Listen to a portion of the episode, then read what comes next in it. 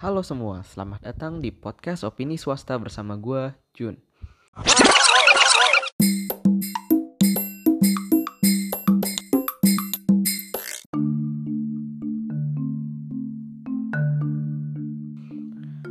Oke, di episode kali ini gue bakal ngomongin yang namanya toxic productivity. Uh, gue tahu produktivitas itu adalah sesuatu yang kita pengen ya. Kita nggak pengen gabut. Kebanyakan orang nggak pengen gabut. Tapi ada aja yang pengen gabut kayak gue, contohnya. ya, kenapa gue pengen gabut ya karena enak aja gitu. Di saat lu udah lelah sama semuanya dan lu memilih gabut, ya udah rasanya kayak chill sebentar mikir dapat insight ya baru lalu bisa produktif lagi itu kalau gue ya gue nggak tahu kalau orang lain uh, toxic produktivitas ini sebenarnya udah jadi hal yang dikonsumsi oleh milenial ya. Kenapa? Karena ini berkaitan erat sama yang namanya hustle culture. Atau bisa gue bilang budaya di mana lu kerja sangat keras. Sebenarnya nggak ada yang salah ya dengan kerja sangat keras kerja dalam waktu yang sangat lama exploring something yang lu bener-bener butuh nih grinding.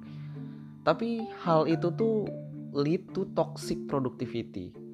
Karena gini uh, banyak teman-teman mahasiswa gue rasa ya kalangan swasta nih terutama kalangan mahasiswa tingkat akhir kita itu cenderung untuk sombong-sombongan tidur lah istilahnya. Kayak aduh gue ngantuk banget nih. Gue baru tidur 6 jam doang. Ntar ada yang ngeletuk ah baru 6 jam. Gue cuma cuma tiga jam anjir. Kayak gitu. Gue ngelaprak gue harus ini itu gue aktif di tengah gue aktif di luar kampus. Eh lah gitu doang lu cengeng lu gue aja produktif. Jangan gabut napa jadi orang? Nah ini tren ini nih. Uh, hal ini tuh menurut gua menurut gua nih ya itu munculnya dari Amerika yang punya culture hustle hustle dan hustle.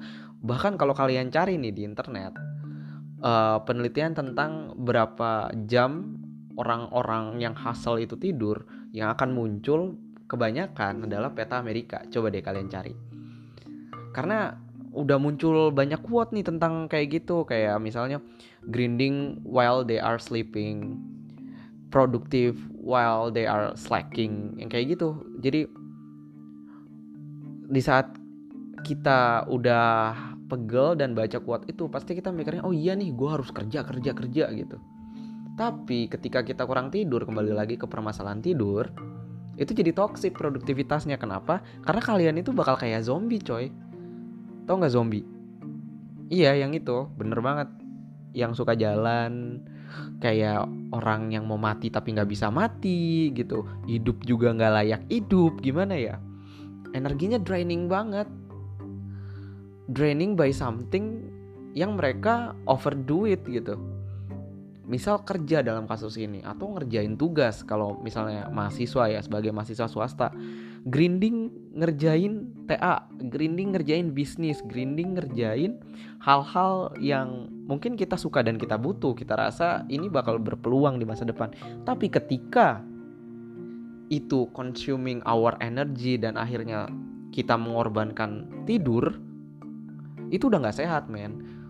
Dan gue lihat nih banyak banget kuat yang bilang bahwa lebih penting hustle daripada tidur, lebih penting hustle daripada diri sendiri, lebih penting hustle daripada pertemanan kalian.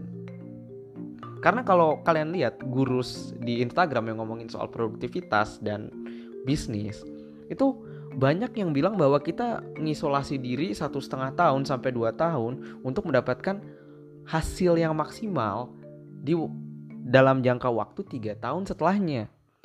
Barulah dari situ kita bisa uh, menikmati pundi-pundi yang telah kita raih. Persis banget kayak kata-katanya Gary V yang bilang bahwa selama 10 tahun kurang lebih ya, gua gua lupa precise-nya.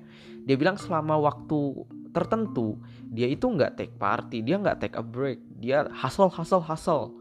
Coy, gua nggak bilang Gary V toxic ya, gua nggak bilang itu, tapi ketika dia menikmati fase itu dan dia nggak merasa itu pengorbanan uh, tubuh dia itu nggak toksik tapi yang terjadi di kampus gua terutama kebanyakan dari kita tuh ngorbanin diri ngerti nggak? Kayak kita korbanin mental kita korbanin fisik. Kalau orang yang rela berkorban ya udahlah ya. Tapi kebanyakan ada di suatu waktu mereka pasti bakal ngeluh. Kok hidup gue capek banget sih? Lah yang toxic produktivitas siapa sebelumnya? Kembali lagi gue pertanyakan yang kayak gitu kita cenderung untuk keren-kerenan gak tidur keren-kerenan ikut banyak kegiatan terus stres. Udah stres kita ngeluh ke orang. Seakan-akan kita korban. Padahal kitalah yang milih untuk ngelakuin toxic productivity di mana produktivitas akan menjadi jelek saat semuanya dilakukan berlebihan. Mungkin bakal ada yang bilang iya gue tahu Jun semua yang berlebihan adalah jelek. Tapi dalam kasus ini yang gue mau tekenin adalah gak ada yang sadar atau mungkin ada yang sadar tapi nggak mau ngomong tentang toxic productivity di Indonesia gue rasa nih sebagai mahasiswa swasta di kampus gue banyak coy banyak banget contohnya. Mulai dari asisten praktikum yang merasa dirinya paling sibuk satu dunia sampai ke orang yang gabut dan tiba-tiba nyoba ke hal-hal sibuk dan merasa dirinya sibuk. Dan sebagai temen gue udah pernah nasihatin dia udahlah coy take it easy lu lu suka yang mana lu kerjain deh. Lu jangan maksain. Tapi dia bilangnya tahu nggak apa? Gue harus produktif Jun. Di saat gue nggak produktif gue masuk fase yang namanya gabut. Ya gimana ya? Kalau lu produktif dan lu tidak mengeluh gue nggak masalah ya. Tapi ketika lu mengeluh berarti ada yang salah. Gitu. Ketika kita merasa produktif kita pasti menikmati gitu gue rasa. Kayak misal gue pas lagi TA nih ketemu ide rasanya panjang banget sih. Gue kerjain itu ketemu ide panjang gitu waktunya. Tapi gue menikmati itu dan gak ngeluh. Kenapa? Karena gue menikmati prosesnya. Dan gue merasa itu produktif. Tapi ketika gue udah mengeluh dan menghujat proses itu tapi gue maksain gue kurangin tidur gue gue nggak makan gue lupain udah toxic productivity namanya. Jadi untuk para pendengar gue yang dengar dan mungkin mahasiswa swasta juga kayak gue mahasiswa tingkat akhir maksudnya tanpa bermaksud mendiskriminasi PTN dan PTS kita itu kebanyakan ini kebanyakan ngepush orang untuk ngelakuin hal yang ngorbanin dirinya.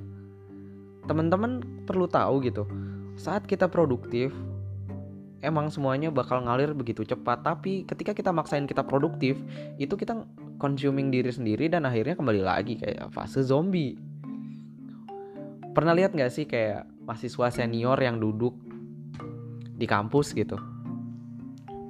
Duduk buka laptop ngeluh-ngeluh kerjain lagi muka udah bete banget kerjain lagi muka udah bete tiba-tiba post insta story-nya soal kegalauan dia soal anxiety soal depres dan ketika ada orang yang bilang ke dia coy relax dulu lah. Terus dia bilangnya enggak gue nggak bisa relax gue harus kerjain. Kalau enggak gini gini gini gini gini. Ya mungkin di satu sisi itu benar. Tapi dia telah masuk fase yang namanya toxic productivity. Karena produktivitas dia jadi istilahnya pisau yang mengkonsumsi dia perlahan. Harusnya produktivitas itu normalnya yang dilakukan banyak founder startup ataupun personal-personal yang udah ngerti produktivitas kayak gimana daripada mereka ngabisin banyak waktu dan akhirnya tubuh mereka korban mereka biasanya fokus dalam rentang waktu gitu. Kayak misalnya tiga jam setelah gue bangun tidur gue ngelakuin ini. Habis itu ya udah gue main. Habis itu tiga jam lagi gue ngelakuin ini. Ini tuh masalah manajemen waktu. Bukan masalah kita produktif apa enggak gitu kalau kita pengen produktif ya kita kenali diri dulu. Jangan sampai masuk ke culture toxic productivity di mana mostly adalah para hustler. Hustler kalau yang belum tahu hustler, hustler itu orang yang biasanya grinding, grinding dan grinding untuk tujuan dia. Maksud grinding itu kerja keras lah, kerja keras. Kalau yang belum tahu grinding. Banyak banget quote kalau kita cari soal pengorbanan tidur, pengorbanan diri, pengorbanan makan, pengorbanan banyak banget coy. Dan itu udah leading tuh toxic productivity. Dan itulah yang gue rasa menjangkiti anak-anak swasta sekarang gitu. Terutama di kampus gue gue ngeliat banyak banyak orang yang aktif banget organisasi. Tiba-tiba pas duduk nongkrong ngeluh betapa beratnya organisasi. Tapi gue udah bilang ya udah chill dulu tapi dia nggak mau nerima dengan bilang gue harus gini gini gini ya gimana pak? Lu meng, lu sadar nih diri lu mulai rusak tapi lu nggak mau ngelepas apa yang membuat lu rusak dengan alasan ini adalah sumber produktivitas gua. Padahal nggak gitu. Yang lu butuh bukan motivasi untuk produktif tapi sistem untuk produktif. Yang gua udah jelasin di podcast sebelumnya bisa dicek yang gua ngomongin soal uh, apa yang ngedriven kita sampai kita mendapatkan goal kita gitu. Instead of motivasi semata yang motivasi mostly dari eksternal karena kita ngelihat suatu kejadian makanya kita pengen kayak gini. Yang leading to toxic productivity. Contoh yang udah ada nih toxic productivity yang udah pernah gue lihat. Oke jadi gue punya temen. Ini real temen. Yang gue kenal banget orangnya dan sering banget lah diskusi sama gue dia tipikal orang yang workaholic ya. Workaholic gue nggak ngejudge jelek ya. Cuma emang workaholic. Ngerti nggak? Maksudnya uh, dia itu kerja dalam waktu yang lama banget dan masih kuat. That's fine menurut gue asal asal dia kuat. Tapi lama-lama lama dia mulai kayak emosional bad bad temper banget lah pokoknya. Terus mulai skip skipan kalau disuruh kerjain tugas kelompok free rider atau nggak mau ngerjain peer reviewnya pas jelek ya dia malah kayak apa ya menghujat gitu. Ya itu udah tanda-tanda terkonsumsi toxic productivity di mana dia nggak mau ngelepasin hal yang udah consuming dirinya. Gitu. Jadi jangan sampai jadi kayak temen gue ya. Temen gue sekarang udah mulai berubah. Maksudnya udah mulai mencoba melepas dan produktif lagi seperti biasa dengan tidak mengandalkan hal yang membuat tubuhnya jadi zombie gitu. Ya gue harap kalian dengan dengar opini gue sebagai swasta nggak ngelakuin hal-hal yang kacau lah kayak toxic productivity. Karena ketika kita terjerumus di dalam sana perlu waktu untuk keluar. Perlu waktu banget untuk sadar bahwa produktivitas kita sebenarnya udah toxic. Ya gitu aja kalau ada yang mau didiskusin soal ini bisa hit me up di email gue yang udah gue tulis di deskripsi.